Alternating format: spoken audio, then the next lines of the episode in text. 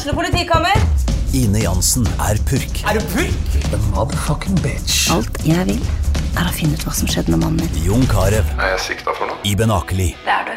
Ole So, Lars Berrum og Big Daddy Karsten. Hvem sin side er du på, egentlig? Anette Hoff, Tone Danielsen, Kommer du fra Afrika? Jørnis Josef, Nesten. Kløfta. Trond Espen Seim, Det er synd å si det, men det var feil mann som døde. Purk. Premiere tirsdag på TV2 Play.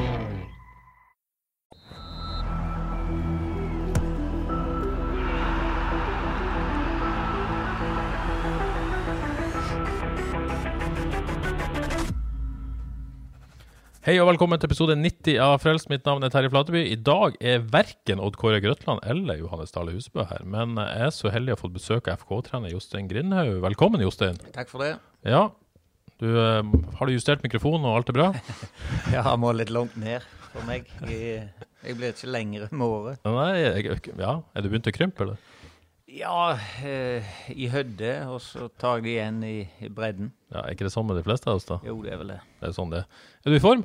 Ja, for så vidt. God form. Ja. Vært Ja, litt ja. tid. god og god eh, med, med pustene. Det, det er ikke den samme pusten eh, som var før heller. Men eh, vi prøver nå å få litt trening, litt mosjon. Eh, går en del turer. Det hjelper på. Og for å stille spørsmålet litt annerledes, har du det bra? Eh, ja, jeg har det. Ja. Jeg, eh, liker egentlig sånne situasjoner som er oppi nå. Og det er sånne situasjoner, det er rett og slett eh, oppkjøringa til ny sesong? Er det Ja. du tenker på da? Ja, det er altså at det skjer en del eh, på ja, både i og rundt eh, klubben. Jeg eh, syns det er kjekt at eh, det, det er litt blest, eh, hvor det er gjerne litt mye negativt. Men eh, vi skal klare å snu det til, til en eh, god bris etter hvert. Ja, er du en som foretrekker å slå over på en måte fra en sånn posisjon enn å, enn å være i forsvarsposisjon?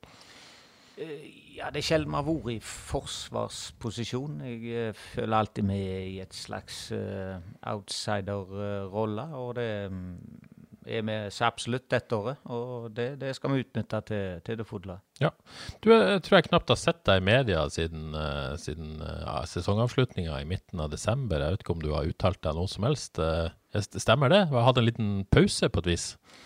Ja, det er ingen som har spurt meg heller.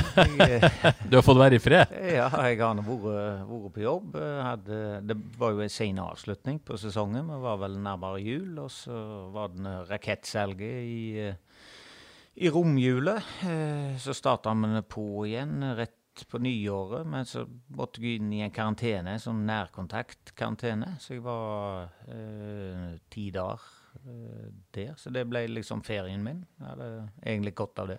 Ja. eh, ja. Har det vært deilig, rett og slett, både ute av medias søkelys og all, ja, alle søkelys, kanskje? Jeg, altså, det, det hefter ikke meg å være i media. Eh, det går greit, det. Men nå har spørsmålet gått mye på spillerlogistikk og den biten der, og da har Opedal eh, tatt det. Så det går helt fint. Men jeg pleier jo å spørre deg hva du gjør på fritida når du er her, for det plutselig dukka opp noe nytt. Har du eh, fått noen nye hobbyer, eller?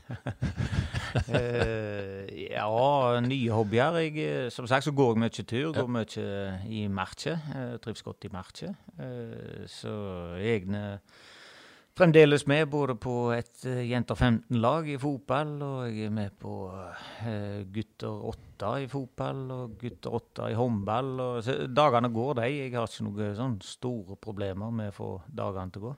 Det er ikke så mye Netflix, andre ord. Nei, det er det absolutt ingenting av. Ingenting av sånt. Nei, det ser du. Eh, men du, du, du var inne på det, du starta egentlig sesongen, da. For dere skulle samles i Stora Karmøy forrige mandag eh, og starte sesongen der. Men der var ingen Jostein Grindhaug, han var i karantene. Var det, eh, var, det, var det så farlig, eller var det kjipt å miste de første dagene? Nei da, det hadde ingen eh, betydning. Vi hadde fått gjort ei god uke der, både jeg Bull og, og Even på, på kontoret. Så kom godt i gang med planleggingen, både av eh, hvordan vi ønsker oss å se ut som fotballag, og litt, eh, litt lengre planer, og det som venter oss den neste. Eh, så har de fått fullført det, og kommet i gang på, på treningsfeltet, de to. Så jeg eh, føler vi har uh, hatt god kontroll. Ja. Du, Før vi går i gang for alvor her, så, så passer det kanskje med dette spørsmålet som uh, jeg tror jeg har stilt dette spørsmålet før. Ikke, ikke så direkte som dette, da, men Vegard Wieland Helgesen lurer på hvorfor du ble så kjedelig i media de siste årene. Ja. altså, Han skjønner at uh, du ikke vil være klovn og levere sitater hele tida, men om det finnes en, en, liten mellomting Han mener at du selger vanligvis FK så godt i media at man, tre man trenger at du er der, liksom. og, og ja. Ja da, jeg, eh, jeg, kan se den. Men uh, når du har vært såpass lenge med i, i uh, gamet, så er det andre som kommer til. Så er det noe med det å slippe deg til òg. Det er mange som har behov for å bruke media. Jeg syns det er til tider komisk, enkelte trenere, hvordan de går ut. De lager en så stor fallhøyde for seg sjøl. Kommer med Altså, hele samfunnet er liksom bygd opp på eh, kjendis. Alle programmer som går på TV nå, handler om kjendiser i en eller annen fasong. Og det føler jeg enkelte trenere òg blir litt i perioder. Det blir uh, mer eh, sirkus enn eh, en fotball. Ja, Blir det litt sånn at din reaksjon da nesten trekker deg enda mer vekk fra den delen og var enda mindre enn du normalt sett ville vært? Nei, men du, du, slipper klar på en annen måte. Det andre, andre ønsker å være media. Hvorfor, eh, hvorfor skal vi kjempe om det? Altså, du, du, stiller opp når du, eh, når du, må, og så hvis du kan slippe, så, så gjør du det. Ja. Eh, så skal vi bruke mesteparten av denne podkasten håper jeg, til, til, å se framover. Men vi er nødt til å se litt bakover òg, Jostein. Fjorårssesongen. Hvordan, jeg regner med dere på en måte har jo snakka godt og grundig om den både underveis og sikkert etterpå, og evaluert den på et vis. Hva, hva er konklusjonen din da, og deres etter, etter fjoråret? Eh, ja, konklusjonen er at uh, vi får vel høre at det var en drita dårlig høysesong, men det er jo egentlig ikke det. Eh, resultatmessig så klarer vi ikke å eh, bikke det til vår eh, fordel. Eh, der var vi sterke. Den første, hvis du deler den i to, da, da eh, frem til sommeren og, og etter sommeren, syns jeg vi er flinke eh, den første perioden til å, å, knekke det vår vei. Vi, vi rir det av på slutten av kampene på høysesongen så, så, klarer vi ikke det. Men vi, er hele veien i nærheten. Eh, og det er få kamper du kan si det er dårlige prestasjoner. Eh, så vi er ikke gode nok til å vinne kampene. Eh, Skuffa over det. Eh, men jeg syns eh, vi skal ikke Det er viktig å balansere det. Når det går godt, så pleier å snakke det litt ned, og når det går dårlig, så snakker jeg det litt opp. Og det tror jeg det er behov for med den høysesongen. Det er ikke så begredelig som alle vil ha det til, men uh, vi ligger godt an, og vi snakker om medaljer. Vi reiser opp til Kristiansund og har mulighet til å henge oss skikkelig på. Uh, vi taper en jevne kamp der oppe, spiller en bra uh, gjennomført kamp, men den blir da betegnende for når det snur, og at vi ikke klarer å, å, å vinne de jevne kampene. Da. Så jeg eh, hadde håpet vi skulle plukke enda mer poeng. Eh, det hadde jeg gjort. Det er jo flere som har pekt på den Kristiansund-kampen. som Lufta gikk litt ut av ballongen etterpå, og kanskje mentalt. Eh, opplevde du også det sånn at det var en, var en knekk der, som dere ikke kom dere helt etter? Eh, nei, jeg gjorde egentlig ikke det. Jeg eh, som sagt pleier jo jeg å være edruelig på sånne ting. Og um, vi hadde nok ikke mannskap til å kunne Du blir innhenta av treningshverdagen og det du har av mannskap. Uh, og det syns jeg den høsten uh, viste. Det, det var lite konkurranse i laget. Du gikk stort sett med de samme spillerne. Det, det, er bra, det, for du får kontinuitet og den biten der. Og vi var heldige. Vi hadde nesten ikke skader. Hadde vi hatt uh, en sesong, uh, uårssesong på skadefronten, så, så hadde vi ligget voldsomt uh, dårlig an. Så det var hele veien å balansere hvor mye skal du trykke til på treningsfeltet i treningsvekene, kontra det å ha en tropp klar til, til helge. Så den åt oss nok litt opp utover sesongen i fjor. Men det du sier jo om, om, høsten i fjor, det sa du vel i fjor høst òg, for så vidt, at, at, dere ikke var så dårlige som, som, det kanskje så ut som, at, at prestasjonene var bedre enn det. Og, det så jeg mange reagerte på, på en måte, at du nesten signaliserte at du ikke tok det på alvor. Eh, skjønner du den balansen nå, at folk vil på en måte at, at, du setter skapet der de mener det skal være, på et vis, at dette er for dårlig, liksom, at du sier det? det liksom, ser du at det er poenget der? Ja, jeg er voldsomt uh, ærlig i forhold til både publikum og det som jeg ser sjøl. Uh, det er ikke ofte det er mismatch imellom det. men Ofte er det jo media som styrer den biten, hvordan dårlig eller hvordan godt det er. Når vi går inn og analyserer kampene, så ser jo vi at det, det er jo ikke så drita dårlig så eh, omgivelsene vil ha det til. Men i skuffelsen over å ha ligget eh, oppe på tabell til å ikke vinne så mye fotballkamper utover høsten, så forstår jeg jo at det blir en mismatch imellom det. Men eh, da er det viktig med en stemme som prøver å forklare det. Eh, på samme måte som du gjør det i de periodene hvor det går godt, og du har behov for å normalisere det og dra det litt ned. Så jo, jeg forstår at eh, det er eh, krav om å være ja, sanne i det du formidler til, til, publikum, og ikke minst til den gruppa som, skal ut og prestere. Så er denne gruppa, du har på en måte vært flere ganger på at det var, det var, det var en relativt liten stall, men dere klarte å holde mange av de på beina i store deler av sesongen, som vel var en faktor for at dere eh, kom igjennom sesongen, vel? Var det ikke det? Jo, jeg eh, tror det er en av uh, de viktigste faktorene for at vi i det hele tatt ikke blandes inn i uh, en direkte nedrykksstrid. Uh, det at vi kunne gå inn til hver kamp og ha de 14-15 samme spillerne, det, det, var viktig for oss.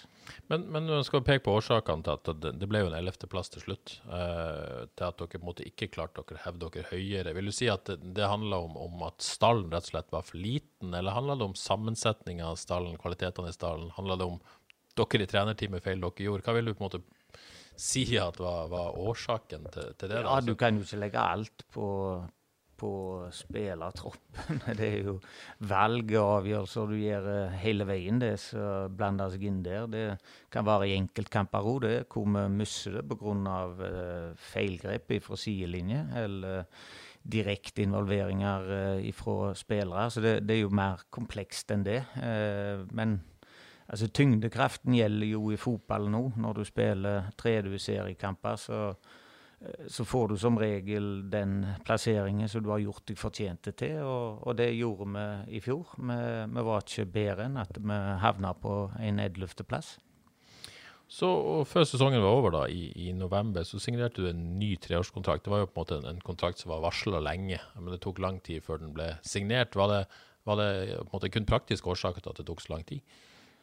Eh, ja, eh, praktisk. Altså, det kom til å ordne seg, som du sier, men det eh, Ja, om jeg skrev under på sommeren eller på høsten, det hadde egentlig ingenting å si. Vi, vi hadde jo litt trøbbel i den perioden der med mannskapsmessig i administrasjon, så litt på sånn praktiske årsaker rundt det, og så ja, det, var, det var iallfall ikke noe dramatikk i det. Nei, men det var aldri noe tvil om Ikke noe mer enn jeg prøvde å lage sjøl. selv. Men uh, denne avgjørelsen om å ta tre nye år, da, hva, uh, hvordan reflekterte du rundt det? Var det en lett avgjørelse? Uh, ja, det er jo egentlig en lett avgjørelse. Jeg, jeg har vært her det siste året og trives jo godt i klubben. Uh, men så har jeg jo hele veien sagt at uh, det, må, det, må, være matnyttig for alle parter at jeg, eh, at jeg fortsetter. For uh, jeg står ennå på at det er et potensial her som vi ikke har fått ut. Og det hadde vært kjekt å være den som fikk løst ut det. Vi kan bli enda bedre på både strukturen i klubben vår og det å skape resultater. Eh, skape det gode salget eh, og bygge videre på den utviklingsavdelingen som eh, begynner og ser, ser bra ut. Så det, det, er mange sånne knagger i, klubben du kan være med og utvikle videre. Så er det noe med det at jeg bor her. Jeg har familien min her. Eh, det å bryte opp, det, det, er fullt mulig, det. Men eh, jeg, eh, jeg trives utrolig godt i, i klubben. Og så vet jeg ikke om det var jo ikke akkurat De fleste var jo veldig fornøyd med den avgjørelsen. Men det var jo litt, litt delte meninger, i, spesielt i sånne sosiale medier, om, om måte, det var på tide med endring for FK. Sikkert med basis av måte, resultatene de siste sesongene. Har du forståelse for at noen mente det, at nå hadde det vært godt med noe nytt? Ja, kan skjønne det. Og det nye kommer før eller senere, det. Jeg er ikke så redd for det. Eh, du skal ikke ha kontinuitet for kontinuitetens skyld. Eh, det må være en, eh, en, plan bak det. Og jeg, jeg føler at Eller du føler, jeg føler jeg er drita lei av det ordet der òg, men jeg, jeg, går iallfall på jobb for å videreutvikle Haugesund, og både fotballen og, og klubben for øvrig. Og det, det skal jeg klare. Men eh, når For det første, fikk du med deg at noen mente at du, du burde gitt deg nå, eller? For, er det sånn du får med deg det? Nei, jeg får, jeg får, med meg det meste, selv ja. om jeg ikke er på sosiale medier og den som leser kommentarer og så. Men det er jo klart jeg, jeg får med meg eh, folk som syns jeg gjør en god jobb, og folk som syns jeg ikke er en, eh, den rette personen for klubben. Så vil det, vil det nok være alltid. Er du for rutinert til å la deg påvirke sånn, eller går det litt, sånn, litt sårt? og litt Nei, jeg er nok en type som går og kverner på ting. Når jeg får uh, lese om ting som jeg er uenig i, da kan det oppta meg det, det neste halve døgnet. Det er derfor jeg har ikke så godt av å, å lese alt. Jeg må, jeg må sense meg til det, så må jeg hele veien uh, se hva som beveger seg. Ellers så gjør jeg ikke jobben min. Mm, mm. Så, så derfor prøver du egentlig å skjerme deg litt mot det, da, på et vis? Ja, jeg prøver å skjerme meg samtidig så jeg uh, får med meg uh, det som skjer. Mm. Så er det jo noen som mener at liksom, noen trenere har sånn begrensa antall år der de er relevant, enten det er Mourinho eller mm. uh, ja, Alex Ferguson er et dårlig eksempel, men, men, men, at det er et begrensa antall år du klarer å være relevant. Du, hva tenker du om den teorien? At det, liksom, det er vanskelig å holde seg oppdatert og på over veldig lang tid? Ja da, det er jo en egen kunst det å helle deg ja, både sultne og motiverte til å kunne gjøre jobben. Den, den, jobben der, den går ikke av seg sjøl, den må du jobbe med.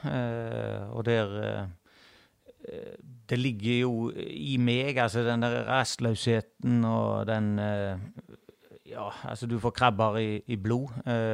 den kjenner jo jeg på hele veien. Den sitringen som ligger der det å kave på for å få ting til. Og i Haugesund så skjer det jo noe ustanselig. Altså, det skjer noe hele veien, så du, du må være på. Du må være framme i skoene. Du kan De gangene vi lener oss tilbake og tror at det går bra, da, sovner du på postasset. Så jeg liker jo når du må uh, strekke hals når det, når det, er litt krig. Uh, da kjenner jeg at blodet bruser, og du, eh, du, er på edgen hele veien. Det, det er voldsomt triggende. Og det ligger nok uh, litt uh, i blodet ikke om meg. Så derfor så syns jeg det er helt greit, det som uh, har skjedd nå i klubben. Det, var, altså, jeg snakker jo en del, uh, har foredrag så Da preker jeg ofte om det at der hvor det er ofte uh, For å få en utvikling, så må det, det må skje noe kritisk. Altså det må, det må være noe som vekker deg. Eh, når du gjør det bra, så går du bare og suller i det samme sporet, og du får ikke utvikling. Men når det virkelig eh, eksploderer, så får du en sånn wake-up call, og så finner du ut at helsike, her må vi jo finne på noe før det går ad undas. Og, og da er du ofte inne i en ny prosess som kan gi deg utvikling. og der eh, er gjerne FK Haugesund nå. Ja, for det er en del sånn ledelsesteorier ledelsesteorier så du må ha liksom kriseforståelsen før du skal klare å gjøre den med den. Er det mm. den kriseforståelsen man har oppnådd nå, da? At man på en måte, nå kan man liksom... Ja, Det er jo liksom- små kriser i Haugesund hele jo, veien. Men, virkelig... men altså, nå, nå, har det liksom kulminert med, med stadionsaken, dårlig økonomi, eh, spillerstall som var tynne, som er ekstra tynne nå. Så du har alle de eh, faktorene til å kunne si at uh, nå er vi gjerne så langt nede at uh, det er ikke så store forventninger til oss. Og da må vi utnytte det momentumet som ligger der. Tror du det er også måte, noen man kan bygge entusiasme rundt òg? At dette kan være på måte starten på noe? Ja, altså Når du har bygd det såpass ned som du har gjort nå, og dine kollegaer i media framover de siste seks månedene, så, så, er det jo kjekt å skrive om når den gjenoppreiselse Eh, ja, fant jeg ikke ordet der. men når vi skal begynne å vokse igjen. Litt som brann, det. det. Det er som å rive av et plaster når du rykker ned. Det er vondt der og da, men Brann tenker jo ikke på det nå. Nå er det jo bare full fyr med å komme seg opp igjen og vinne fotballkamper, om det er i Obos-ligaen eller om det er i Tippeligaen. Det, det, går over den første uka, og så smedler du på igjen. Det, er så fotballens natur er, og vi er en del av den. Men sier du egentlig her at, FK nå har godt av den opprøskinga som egentlig kanskje er i ferd med å skje nå? Ja. ja. Gjelder det på en måte både klubb litt, og spillerstall? På børsen, du, du kan vente på krekket, eller du kan få en justering underveis. og litt så er det ja, så er det vel litt på børsen i dag, men uh, så er det iallfall i, i fotballklubben Haugesund i dag. Ja, veldig interessant eh, tanke. Uh, så er jeg jo litt sånn opptatt av dette med, med Det er mange som er opptatt av dette trenerteamet, da. Mm. Uh, kan, det er et lytterspørsmål her fra, fra Steinar på Twitter. Sier ganske enkelt grei ut om rollefordelinga i trenerteamet. Hva kan du si om måten du og, og Espen Bull Torne og Even Sehl skal, skal, jobbe sammen på? Ja, Vi har jo jobba for å få inn en ekstra i, i trenerteamet. Uh, enkelte trenere ønsker jo et, uh, et fåtallig trenerteam å være hands on. Uh, Eh, jeg ønsker å utvide det for å kunne tilby spillergrupper enda, enda, mer. Eh, jeg ser at eh, vi, vi, kan bruke mer tid på enkeltspillerne. Vi kan bruke mer tid på lagdeler, og ikke minst hele laget i tilbakemeldinger. Og da eh, en del via video og analyse. Eh, så Even kommer jo inn der og, og, styrker oss der, i tillegg til at han eh, har erfaring fra eh, feltet. Eh, har jobba som nummer to eh, de siste året sammen med han, Jan Halvor i Bryne. Har gjort en god jobb der. han er en ung, ambisiøs kar som har stor arbeidskapasitet, og det, det liker jeg. I tillegg så er han en likende kar. Altså, det er en en stødig fyr. Så han skal inn og hjelpe, både på feltet, i planleggingen, på analysen, i eh, kampforberedelser. Eh, så han er egentlig med på alt uh, som Bull har vært med på det, det siste året. Blir en samtalepartner, ikke minst for, for Bull. så de kommer til å jobbe tett sammen, eh, sammen med meg. Eh, så vil det gi meg muligheter til å kunne bruke mer tid på spillerlogistikk. Det vil gi meg mer tid til å, å eh, konsentrere meg mer om spillersamtaler og de, ja, de lengre linjene i, i det. Så jeg tenker at hvis vi skal vokse, så må du liksom uh, knipe det inn uh, der du kan. Uh, og Even er en sånn type. Det har jo vært spekulert også i dette studiet om på en måte du jeg føler du i retning av å bekrefte litt her at du på en måte får en litt mer tilbaketrukket rolle i forhold til hands on, at det er på en måte Bull og Even Sehl som skal styre mye på feltet og, og, og, sånt, mens du skal ha en mer overordna rolle. Er det, er det, et feil inntrykk, det, eller er det jeg er jo til stede på hver trening. Ja, jeg, jeg, har den samme entusiasmen og den samme innlevelsen på treningsfeltet som jeg uh, alltid har hatt. Uh, det er at vi blir én uh, til timer til å diskutere, til å svelle under arbeid. det er vel helst det. Vi har brukt utviklingsavdelingen foregående sesong mye inn mot analyse. nå nå tar vi ansvar for det sjøl eh, og letter trykket på det. Så det, det, har vært masse arbeidsoppgaver som har ligget som vi ikke eh, ja, som vi har prioritert litt vekk. da. Det har vi mulighet til å kunne gjøre noe med når uh, Even er kommet inn. Så det å bygge en sterk uh, uh, trenerstab, det, det, er jo bare positivt. Så hadde jeg jo Even som gjest, eh, riktignok digitalt, da, før jul. Han sa at han hadde sittet ned med Bull og diskutert hvordan de skulle spille fotball og sånn. Antar du en del av disse, disse diskusjonene om hvordan FK skal spille fotball i 2022? Uh, ja, altså Vi har nå jobba i den samme listen de siste to, to og et halvt, tre år i 4-3-3. Uh, vi har uh, prøvd å bli enda bedre på enkelte faser i, i spillet vårt. Så Even kommer inn der og skal hjelpe til med å bli enda bedre på det. men vi kan jo ha planer og snakke oss grønne. Altså, Horneland sa jo vi kan snakke til ambulansen kommer og plukker oss opp. Uh, jeg vet jo av erfaring at uh, det er det minste problemet. Uh, største problemet er jo å få implementert planene i spillergrupper. Så jeg ser at vi har jobba og kommet et stykke på vei de to siste årene. Og så ønsker vi oss å ta et enda lite steg dette året her ja, gjerne skru til enda litt mer, ha litt mer faste mønstre. Eh, men samtidig eh, kunne ha en viss eh, frihet til å kunne la spillerne få fram særegenheten sin i, i, laget. Så jeg, jeg, jeg, tror det er viktig å balansere det. Vi, vi må ikke bli for teoretiske, for det Eh, jeg har hatt planer i de siste 15 årene, men uh, hvis du ikke har evne til å kunne uh, snu deg rundt når det kreves, så, så, spiller du i Obos-ligaen.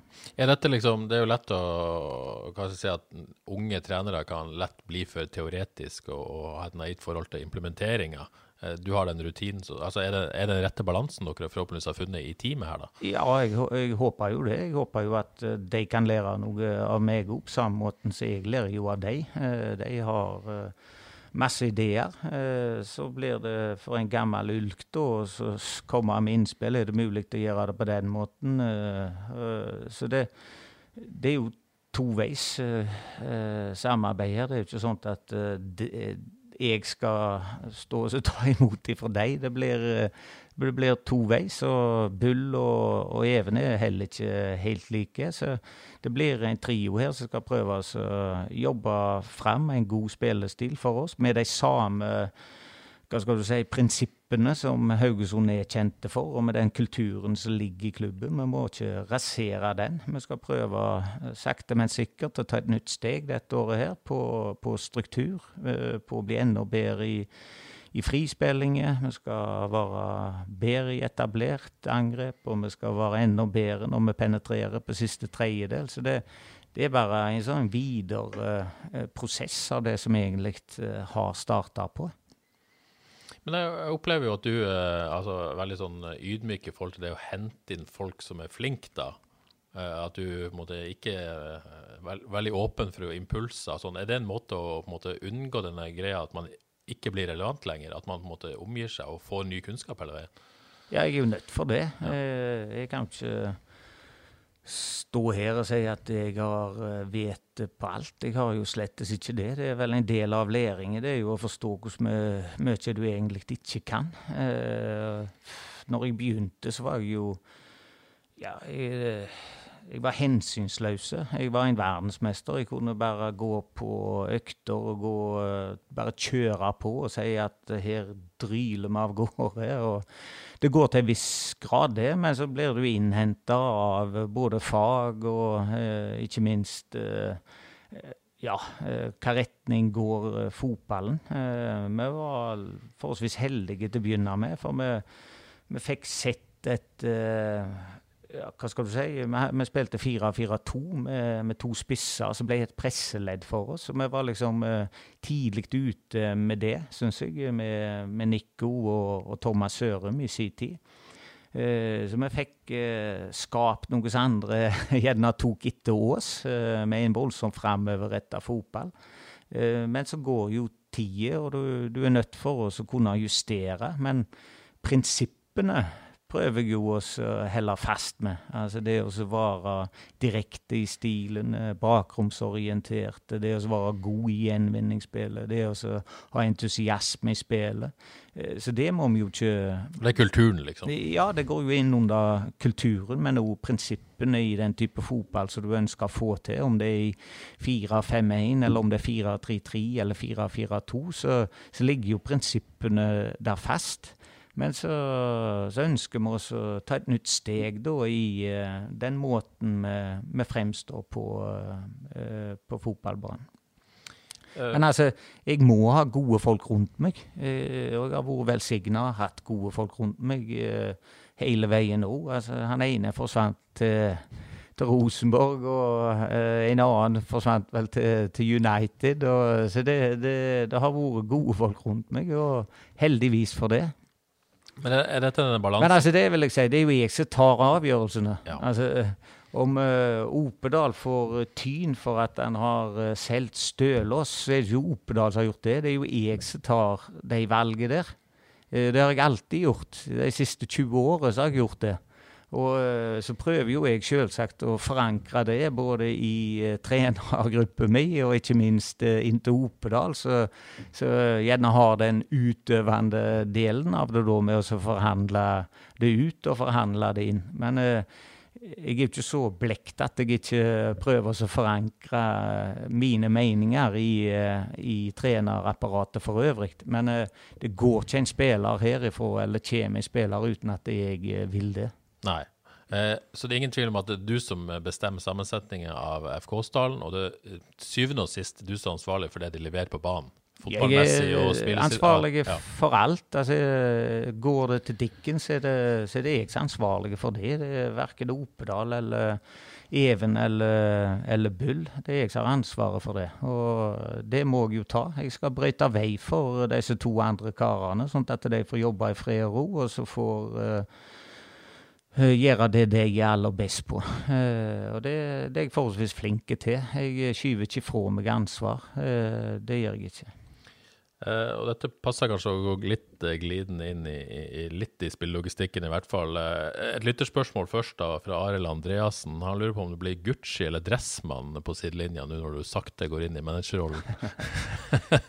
Nei, jeg, jeg gjør ikke det. Jeg, jeg er den jeg er. og ser for meg å, å bli enda bedre både på sidelinje og i treningshverdagen. og jeg ønsker jo å bli bedre, jeg òg, og får Even hente inn litt sånn egoistisk for meg òg. At uh, både jeg og Bull skal bli enda litt bedre. Og hvis vi klarer det, så, så er det jo liv laga, det vi holder på med. Det er det. Eh, Josef, vi må snakke litt spillelogistikk. Eh, mange er jo ekstremt opptatt av det eh, denne tida her. Eh, du var jo inne på det i begynnelsen. Liker du litt denne delen nå, denne silly season-perioden? Der kommer, folk kommer og går, og det, det, er liv og spekulasjoner og alt dette her? Ja, eh, jeg gjør det. Eh, det er en så en kjekk del av det. Mye frustrasjon som ligger der. Det er godt høyt under taket, for det går ei kule, varmt. Ja, hva, hva går det ei kule varmt om? Ja, f.eks. i dag. Jeg var tidlig på jobb og skulle rigge meg til og så se på noen spillere som jeg hadde fått innspill på i helga. Og så har vi ikke betalt regningen til Insta. så, så har jeg ikke logga meg på. Da, da er det jo Opedal som får det, selvsagt. Ja, ja, ja. Fortjent, vil jeg si. Eh, så han våkna til en uh, drittmelding fra meg. så, det, så starta denne uka. Uh, ja. Men det, det sklir godt over. med vi kjenner hverandre såpass. Men spillerlogistikken er jo heftige nå om dagen, og det er, det er viktig eh, når du går inn i en ny sesong med en ny målsetning om å ja, hvem skal du ha med på den ferden? Altså, hva, hva mannskap eh, mønstrer du på båten? Hvem må av? Og vi Det er vel der vi er. Vi har mønstre av noen, og så må vi få noen til å mønstre på. Eh, og så vet vi ikke helt ennå hva vi har av midler til å kunne bruke på, på det mannskapet da, som skal, skal, kaste loss i eh, Ja, det blir vel i april. Ja, men bare for å tenke bildet, Jeg tror de fleste som hører på oss, har dette bildet klart for seg, men må bare gjenta det. Man, man går altså inn i en ny sesong med en ekstremt vanskelig økonomi. Eh, man venter på, på en måte, med en avtale med Haugesund kommune. Det er en uavklart situasjon som man måte, har fått beskjed av sin styreleder at her skjer det ingenting før den er i boks. Dere kan hente gratisspillere eventuelt. Samtidig så forsvinner jo en haug med nøkkelspillere fra en allerede tynn tropp. Altså Vi snakka Kristoffer Welde, Niklas Sandberg, Benjamin Tidemann, for å nevne noen, og, og kontinuitetsbærere som Alexander Stølås, Helge Sandvik og Joakim Våge Nilsen. Først, eh, hvem vil du savne mest av disse guttene her? Uh. Nei, det er et vanskelig spørsmål. Jeg får jo et forhold til alle. Det gjør jeg. Så jeg, jeg savner egentlig alle en kort periode. Så vært, du blir litt sånn kynisk da oppi dette, hvis du kan bruke det uttrykket. For at uh, du har jo mye makt. Du bestemmer over spillerne sin skjebne. Uh, og det er ikke alltid det er så enkelt. Uh, derfor prøver jeg å finne gode løsninger for dem, og i sammen med dem, istedenfor at jeg trer det ned over hodet på dem. Så alle betyr jo noe, både for meg og ikke minst for, for klubben. Det, men det er alt til si tid livet går liksom eh, videre. Og jeg håper at det, det, er den bagasjen som de har fått i Kjås, eh, er med på oss å gi de eh, det lettere i det, det som kommer. Og så er det jo veldig forskjellige årsaker til at disse forsvinner. Noen blir solgt, også fordi både klubben og de, dere ønsker det. Andre vil ikke fortsette selv om dere ønsker det. Andre ønsker å fortsette, men dere ønsker ikke det. Det er på en mm. måte veldig mange måte, forskjellige her. Men, men, ja, men husk at uh, jeg gjør det jo ikke for meg. Jeg gjør det Nei. for det jeg tror er det beste for klubben. Da, da. Uh, både sportslig og gjerne òg økonomisk, og ikke minst helhetsmessig. Hva brikker trenger jeg for å få puslespillet til å se helt ut? Ja, for det, for det er egentlig det jeg lurer på. liksom, er det alt dette er jo ikke ting dere ikke ønsker. Har det vært måte et mål om å renske opp litt og måte få denne starten på nytt igjen, som du snakka om tidligere? Og på en måte starte litt på scratch? Har det vært måte et mål i seg sjøl? Eh, ja, jeg, jeg, sitter jo hele veien og så prøver å tegne et bilde av uh, hvordan det skal se ut, og hvem som i det bildet må, må ut. og hvor er det prospekter som gir oss uh, mulighet til, til penger? Uh, det er jo en del av det, det. Og så må du jo se på hva har jeg igjen, og hva, hva trenger jeg? Hvem ønsker du å ha igjen, ikke minst. Og så mister du av til brikker som du ikke har lyst til å miste. Men, men bare, jeg hadde Helge Sandvik her, og han snakka litt om denne litt sånn sutrekulturen. Den har vært oppe flere ganger. Eh, er det, måte, er det noe sånn kulturelt man ønsker å ta tak i her? Og på en måte ja, denne sutrekulturen den uh, merka jeg når jeg kom tilbake ja. uh, som trener. Og jeg var egentlig helt sjokka at uh, det går an. for det var helt stein gale. Det, det, første året du kunne ikke gå på trening og ha intensive økter uten at de sto klorte på en annen og grein og skubba på en annen. Så, så har sakte, men sikkert blitt litt bedre. Men det har ikke vært strøkent, det greiene der. Det var, det var så i føro, men det, det, var på en annen måte. Det var mer mannfolkmessig. At du smelte til, og så ble du forbanna, og så gikk du gjerne av banen, og så kom du unnskyldte deg. Det vil dere ha, ikke sant? Ja, kan skjønne du vil ha det, men litt som du sier, en sånn sutrekultur. Altså så gå og eh, negge på en annen og klage på en annen. Altså, hvor har det kommet ifra, tenkte jeg. Eh, så den har vi dratt med oss de tre siste årene. Blitt litt bedre, men vi har ikke kvitt oss med den. Så det er definitivt et mål å kvitte seg med i løpet av uh, det året som kommer her. Vil du si at den, den, kulturen der da har vært en årsak til at det har gått som det har gått de siste årene? At liksom, man ikke har klart ja, å få bukt altså, med det? det, det det er ikke hovedårsaken til det, men at eh, det er jo ikke på plussida. Det er jo definitivt på, på den negative sida. Det er jo eh, en, en, en, liten ting som må vekk eh, før det kan bli godt, iallfall. Mm. Så, så, dette utgangspunktet dere står igjen med nå i 20, januar 2022, eh, tynnere stall eh, enn noen gang, og økonomien er som den er per i dag i hvert fall, så kan vi se om det kommer en løsning i løpet av uka. Erik Opedal sa til oss at ja, dette er omtrent som det pleier å være i januar i FK, men det er jo ikke det. Nei, men det er greit at han sier det, for at Pleier jo ikke å være sånn. Jo, ja, men uh, nok en gang drar det litt opp når det er nede. Ja. Det er bedre det enn at han legger seg paddeflat og så tar meg bakifra. Altså, det, det det er greit at det baller der òg. Så eh, jeg syns det er helt fair. Og som han sier, vi har jo vært gjennom dette her før. Eh, det, er, det, brenner rundt oss ofte. Uh, så vi har en viss erfaring med det. Og det er triggende. Opedal er jo et ekstremt konkurransemenneske. Det er vel en av han som har mest toppidrettserfaring i hele klubben. så han har det genet i seg. Han blir trigga av det, og det, er egentlig da han jobber som aller best. Så vi kommer til å få til noe. Jeg er ikke så redd for det. Så bare se, se til at det er godt nok. Ja, for det, det, er jo mange som er litt sånn uh, litt bekymra nå, da. Og, og, det må man jo ha forståelse for. Men hva, hva, kan du si om det arbeidet som, som skjer nå? Hva, hva, vil skje de neste månedene? Hva håper du å få til? Jeg håper vi får en spillere som kan passe i det tankesettet som vi har sett før oss. og det er der igjen, da. Du jobber med planer, og du jobber med sånn, kall det en visjon, da, eller et mål om hvordan vi skal se ut. Men det nytter jo ikke det da, hvis at du ikke får inn eh, det er, eh, altså det er som å sette opp en, en, vegg du kan liksom gyve løs med et snekkerbelte. Men du kommer lenger hvis du har en spiker, en hammer, en tomerstokk i det, i det, det snekkerbeltet. Og det har vi ikke per nå. Altså, vi står der eh, egentlig naken. Så vi må begynne å fylle på. Og da må vi få en spiller som kan passe i det bildet som vi ser for oss.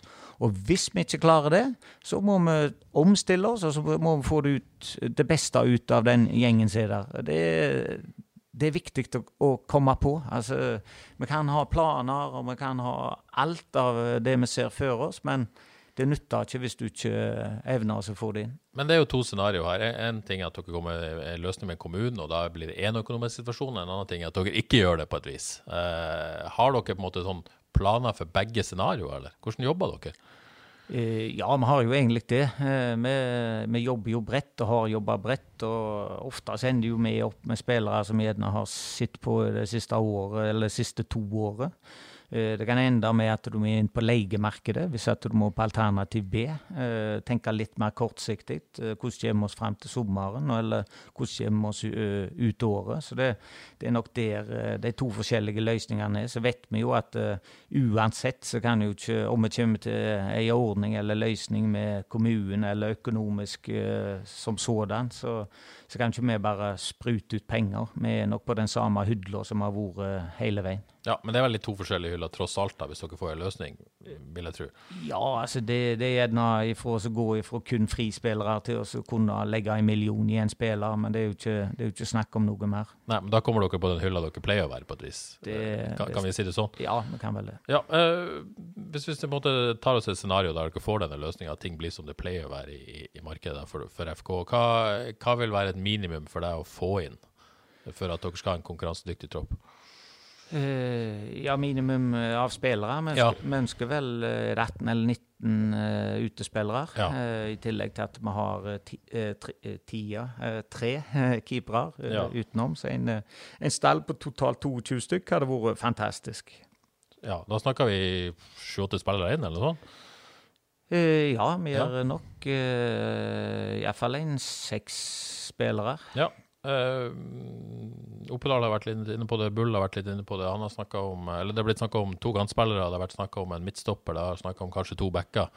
Uh, er, det, er, det, der først og fremst de tre posisjonene, da? Uh, ja, en, stopp, en, stopper må inn. Ja, stopper må inn. Stopper må inn, Og så må vi nok ha inn en back. Uh, er det venstreback da som uh, står øverst? Ikke nødvendigvis. Jeg syns jo Tore er best som uh, venstreback. Så ja. kan uh, de andre Men Tore vil spille høyre? Og... Nei, Tore spiller der han får beskjed om han. det gjør han, det er ingen Så lojal Tore. så ser jo jeg helt klart ønsket om å kunne eh, få spilt høyreback og sett om det er ei dør der som kan eh, åpnes opp og, og, ta enda et steg. Men uh, det kan han som venstreback òg. Jeg syns han er en av de aller, aller beste venstrebackene i ligaen, og han kan bli enda bedre, spesielt offensivt. Uh, men uh, en back av en eller annen type må inn. Oss, eller må inn, eh, må ikke det heller. Altså, vi kan finne andre løsninger. Eh, så det, er ingenting som må, men eh, vi ønsker å få inn det. Stopper, kantspiller. Ja, gjerne i spiss. Ja.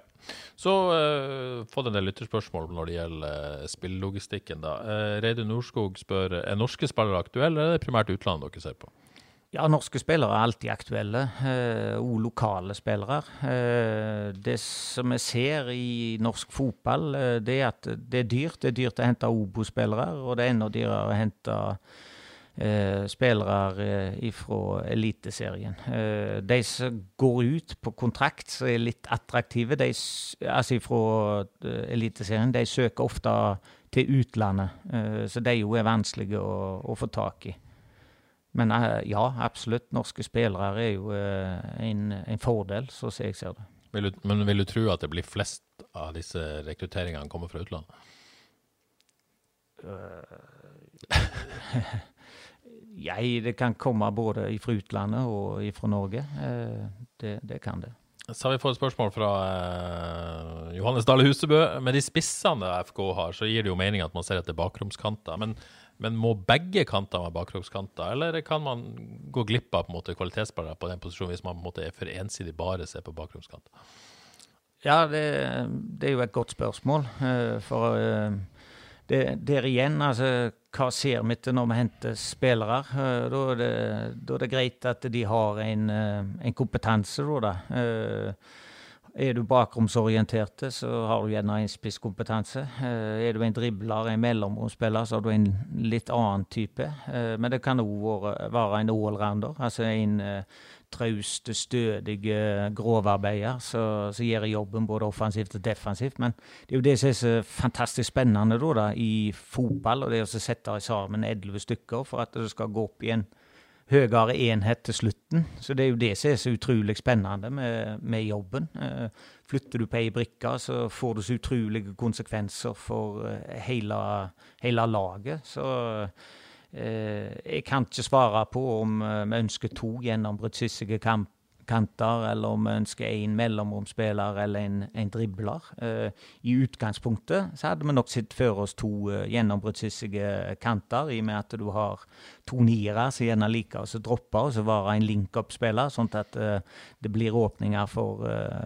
to kanter som kan drive i bakrom.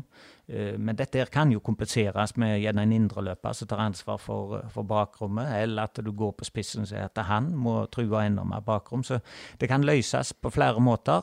Eh, men får du en gjennombruddshissig kantspiller til, så, så, kan det passe godt med hvordan vi ønsker oss å se ut til slutt. Ja, så Utgangspunktet har vært egentlig to, to bakgrunnskanter, men dere ikke, har ikke lukka øynene for andre løsninger? Hvis det dukker opp i markedet, liksom, dere er fleksible som, som dere pleier å være? Det, Terje, det vil være ja. litt uh, naivt av oss, for at uh, det er ikke ja, det er ikke så enkelt for oss å si at vi skal ha en til bakromskant, og får vi ikke han, så ja.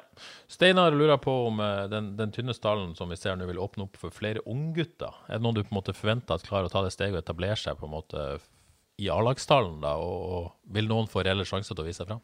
Ja, det hadde de i fjor òg. Vi hadde aldri hatt så mye unge spillere innrullert i treningsvekkene treningsukene våre som vi hadde i fjor. Så det er absolutt mulig for uh, våre unge spillere, uh, egne utvikla spillere, til å ta steget opp. Men uh, det siste jeg er naive i så måte. Det er et langt løp ifra det å være en god 16-17-18-åring til å kunne spille jevnlig i Tippeligaen. Det, det, ser du hvor lang tid en spiller som Velde og Kevin har brukt på å kunne etablere seg i, i Tippeligaen. Uh, ungt spørsmål til Ergels Sjala lurer på hvor mye vi kommer til å se Eivind Helgeland på A-laget. Uh, mistenker det er en kompis, dette. Uh, han mener jo han vel den uh, beste venstrebacken i troppen per nå. Men da tenker han sikkert ikke på Tore Pedersen som venstreback. nei, ja, eh, men han er nok gjerne enda bedre som en eh, stopper. Eh, fine venstrefot. Så han, Eivind er jo en av de som er med oss og trener fast, og blir nok med oss til, til Spania nå til helga. Ja. Så lurer Raymond Skau på om dere har sett på Pintsild, litt husker på uttalen, i Kjelsås? Eh, nei, han har jeg ikke sett på. Nei. så må vi spørre Kevin Krygård, noen som lurer på. Hva, hva skjer med han? Uh, ja, jeg tror vel gjerne at uh, han nå forsvinner. Uh, når det er såpass konkret interesse fra en, en OK klubb, en OK liga, så er det vel egentlig bare sluttsummen på, på budet som vil, vil avgjøre det. Ja. Så uh, litt sånn uh, flere lytterspørsmål. Mange som lurte på det. Jeg tror neste ja, ja, rekord i lytterspørsmål. Det, eh, det, er bedre å bruke, gå litt i dybden enn disse her overskriftene som hele veien skal definere hva du mener. det er bra du får sjansen til ja. å forklare det i detalj. Jeg må få komme oftere. Ja, ja, det er bare å gi beskjed når du har lyst til å komme. Du, Jørgen Grønningen, han vil vite hva som er realistisk, realistisk tabellplassering i 2022. Ja, altså, Det er vanskelig for meg å si nå. Uh, går vi inn i sesongen med den stall som er nå, så er vi et nedrykkslag. Uh, så håper vi at vi skal kunne uh, klatre litt, både pga. at vi henter inn spillere som vil komplementere de andre, og ikke minst at vi klarer å utvikle de spillerne som er der. Vi husker på at vi har ei spennende gruppe som er der. Eh, en del eh, unge, fremadstormende spillere der. Så jeg er glad vi fikk inn i fjor sommer. altså Da tenker jeg på Bertil og jeg tenker på Torje, som har fått den eh, seks månedene der til å kunne lukte på, på tempo. Vi fikk inn eh, han eh, eh, på slutten. Han fikk med seg eh, to-tre uker der på slutten treningsmessig og får ei hel oppkjøring her. Så det er jeg voldsomt glad for, at vi fikk inn de såpass tidlig. og jeg håper at vi klarer å beholde både Tore og disse som er på utgående. For Tore er voldsomt viktig for oss. Det er en steikjende god fotballspiller. Uh, Daniel Karlsen lurer på målet ditt for sesongen, men det, det handler kanskje samme spørsmål som Jørgen her. Hva, hva blir målsettinga til FK, da?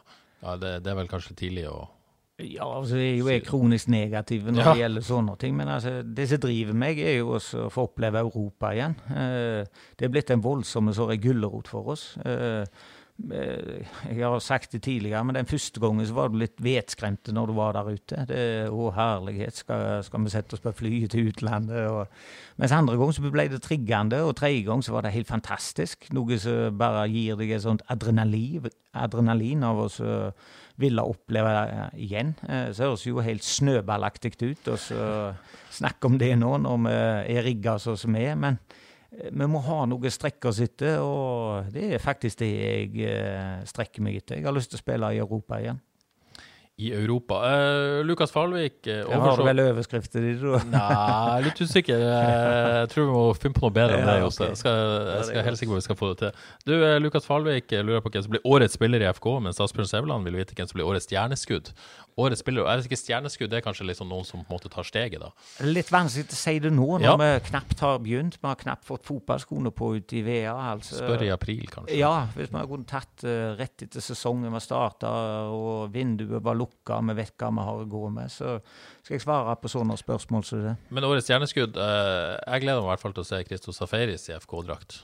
Gjør du det? Ja, det gjør jeg òg. Så får vi se om vi får sitte på A-laget, eller om vi må spille mot Åkra. Så gjerne As Asbjørn får besøk av han ut på Åkra med, med rekkelaget. Ja, det ser vel ikke bort fra at han er der av og til, men får håpe å se han mest mulig på A-laget. Du, eh,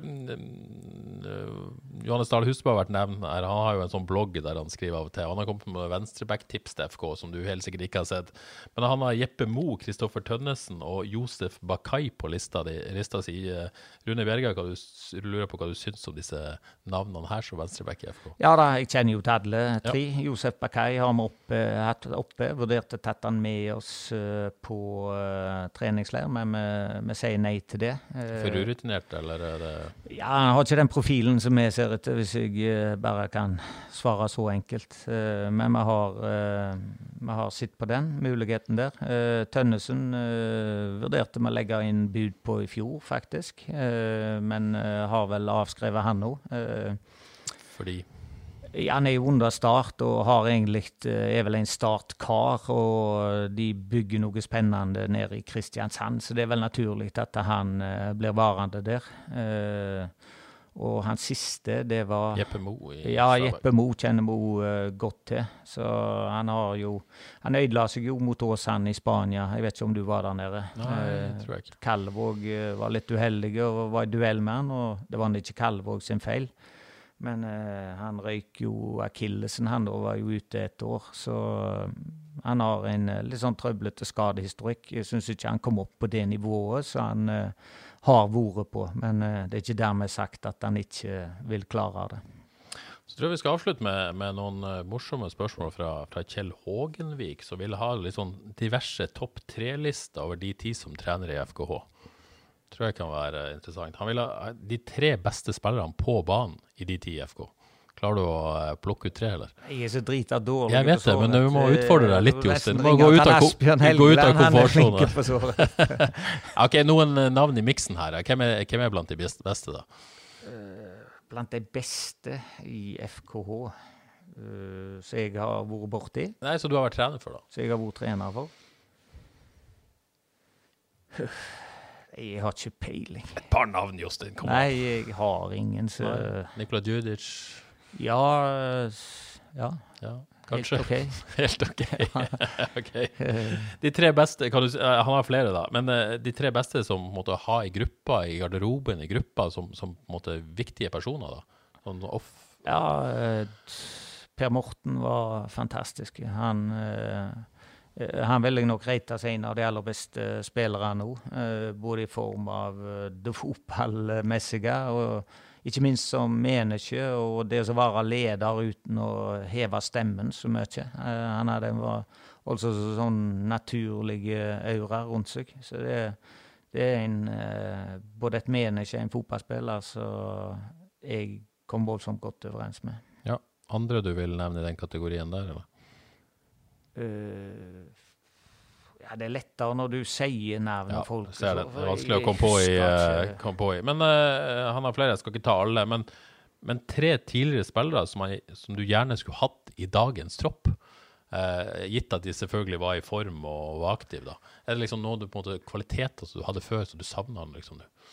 Ja, jeg tror en Thomas Sørum-type som spiss kunne vi fått voldsomt mye ut av. for Han minner meg litt om uh, han i Bodø-Glimt, han Botheim. Uh, Botheim er blitt utvikla seg enormt i link-up-spillet, samtidig som han er blitt en fantastisk avslutter. Det har han egentlig vært uh, hele veien. Så litt Thomas Sørum-aktig over det. så En så en type som Thomas Sørum som kunne true bakrom, men samtidig var skikkelig dyktig i link-up-spillet. Det, det, hadde vært fantastisk å ha hatt. Uh, en, eh, ja, en kompromissløs stopper på sida av en av de to andre, eh, som eh, ja, sånn som så Dusan var i, i si tid. Altså, det første året der med han, det var, det var skikkelig bra, altså. Er det litt sånn type dere leter etter nå? eller? Ja, altså en leder som kan gå føre, så god og solide defensivt. Det, det, tror jeg hadde gjort seg i en bakre firer. Som elsker å forsvare og ja. holde nullen. Ja. Ja. Um, Thomas Tveit, lurer på uh, så ja. Jeg likte voldsomt godt Daniel Bamberg, hvis ja. uh, han datt inn her nå. Altså En kantspiller med en voldsomt flott, fin uh, dødballfot som òg kunne skåre mål. Uh, han hadde et par sesonger her sånn som var helt magiske. Dere hadde en del gode signeringer i den tida? Ja, hadde det. Men det har vi hatt uh, vi har egentlig vært dyktige på signeringer, hvis jeg kan få, få si det. Uh, har uh, ikke bare på signeringer, men òg med egne som har stått med og fått fram. Av og til så har du hatt mer tro på dem enn de har hatt på seg sjøl. Så jeg syns vi har vært flinke på det oppover. Og angående nestensigneringa, du, du var inne på Erik Botheim. Ja. Hvor nær var han å komme hit, egentlig? Ja, han var vel så nær som det går an å komme uten at han havna her. Ja. Uh, men uh, det var en fantastisk prosess. Det. det var ingenting som skjedde. Det var helt rett valg til slutt at han gikk til Bodø-Glimt. Det var egentlig et smart valg, både fra agent og spiller sjøl. Jeg tror dere har klart å få noe ut av han? Ja, det er jo et godt spørsmål. For han har passet himla godt inn i det maskineriet til Bodø-Glimt. Et Bodø-Glimt som har gått på skinner, og han har hatt en tydelig oppgave, i tillegg til at han har fått utvikla enkelte deler med spillet sitt. Så jeg syns det har passet hånd i hanske. Og det er jo bare Det er jo en eventyrhistorie at han nå blir solgt til russisk fotball for de summene. Så det, det, er helt utrolig, og det, det er kjekt å se. Men det er liksom den fotballen, det er liksom ikke noen garantier for at åh, hvorfor gjorde vi ikke det? Akkurat som med Ibrahima Kone nå. Eh, ja. Det er lett å kritisere dere fordi at dere ikke fikk han til her, men, men det er ikke sikkert han har fått det til her. Eh, og det var deres feil. Han hadde nok fått det like godt til her som ja, han har det. gjort i, i ja, Sarpsborg det, siste året. Ja, Var det tabbe å slippe han, da? Hvis du...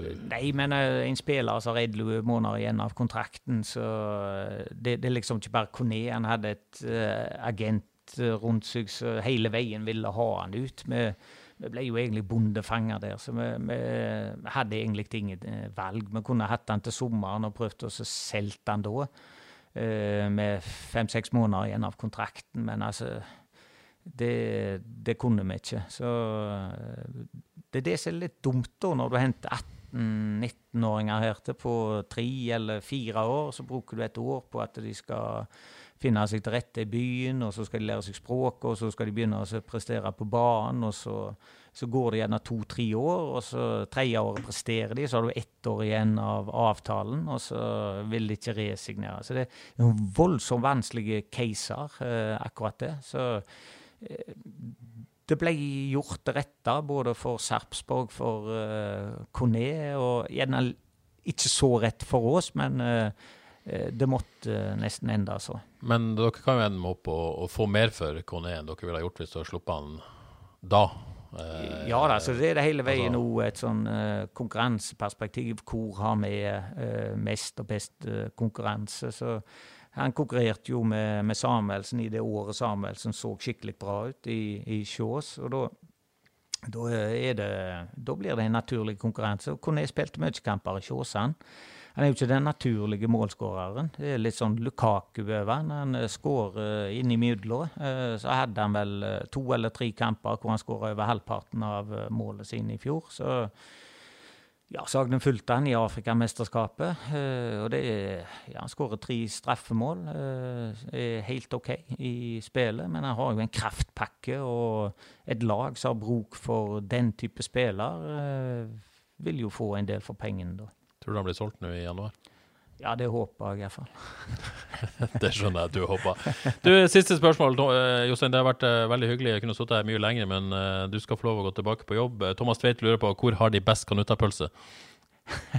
ja, det er vel på Kanutta. Det, det, er ikke noe tvil, liksom? Det er der du må? Ja, men nå er ikke jeg eh, Jeg får som regel en gang i året. Da kommer Jonny Stava. Da griller han eh, på terrassen, og ja. da har han kanuttapølser. Så jeg spiser kanuttapølsene mine, han Jonny Stava. En gang i året, eller? Eh, ja, iallfall en gang i året. Det blir en av to og tre. Han er glad i de pulsene der, så det er nok der de beste. Der får du din dose. Ja. Strålende, Jostein. Tusen takk. Tusen takk, heter det. Tusen takk, Tusen takk, Tusen takk for at du ja, kom til oss. vi snakkes må, ja, må, må, ikke, må, ikke, gi oss opp, alle der ute. Altså, det, det, blir spennende. Nå starter vi med, med ny frisk, og vi skal, skal virkelig smedle til. Uh, så jeg ser frem til sesongen. Jeg. Det gjør vi også. Og man, nei, på fredag er det i gang. Åsane. Uh, ja. Jeg vet ikke hvor mange som får lov å komme i hallen. Men, nei, det vet ikke jeg heller. Det, det skal vi sjekke opp i. Men, men ja. de som ikke kan komme, de kan se ham på H-avis. Det er jo da noe. Ja, den blir sendt til det. Den blir sendt direkte ja, ja, hos oss? Da oppfordrer jeg eh, av uh, smittevernregler til å uh, heller se den på, på H-avis. Lykke til med 2022, Jostein. Det var det vi hadde denne uka. Tusen takk for at du har hørt på. Vi er tilbake om ei uke. Ha det bra.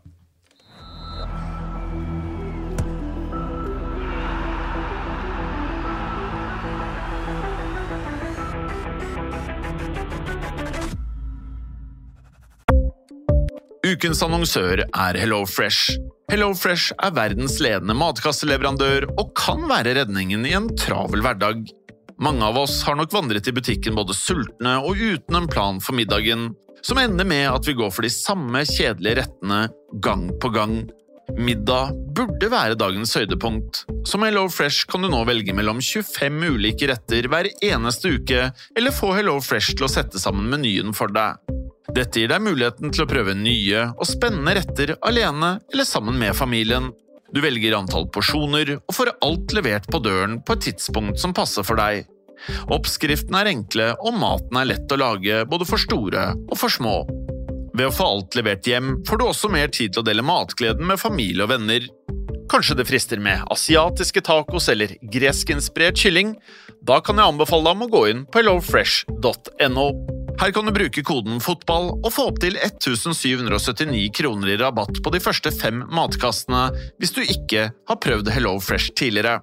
Du kan også bruke rabatten hvis du har vært kunde og stoppet abonnementet ditt for tolv måneder siden eller lengre. Gå inn på hellofresh.no og bruk koden FOTBALL. Har du et enkeltpersonforetak eller en liten bedrift? Da er du sikkert lei av å høre meg snakke om hvor enkelt det er med kvitteringer og bilag i fiken, så vi eh, gir oss her, vi. Fordi vi liker enkelt. Fiken superenkelt regnskap.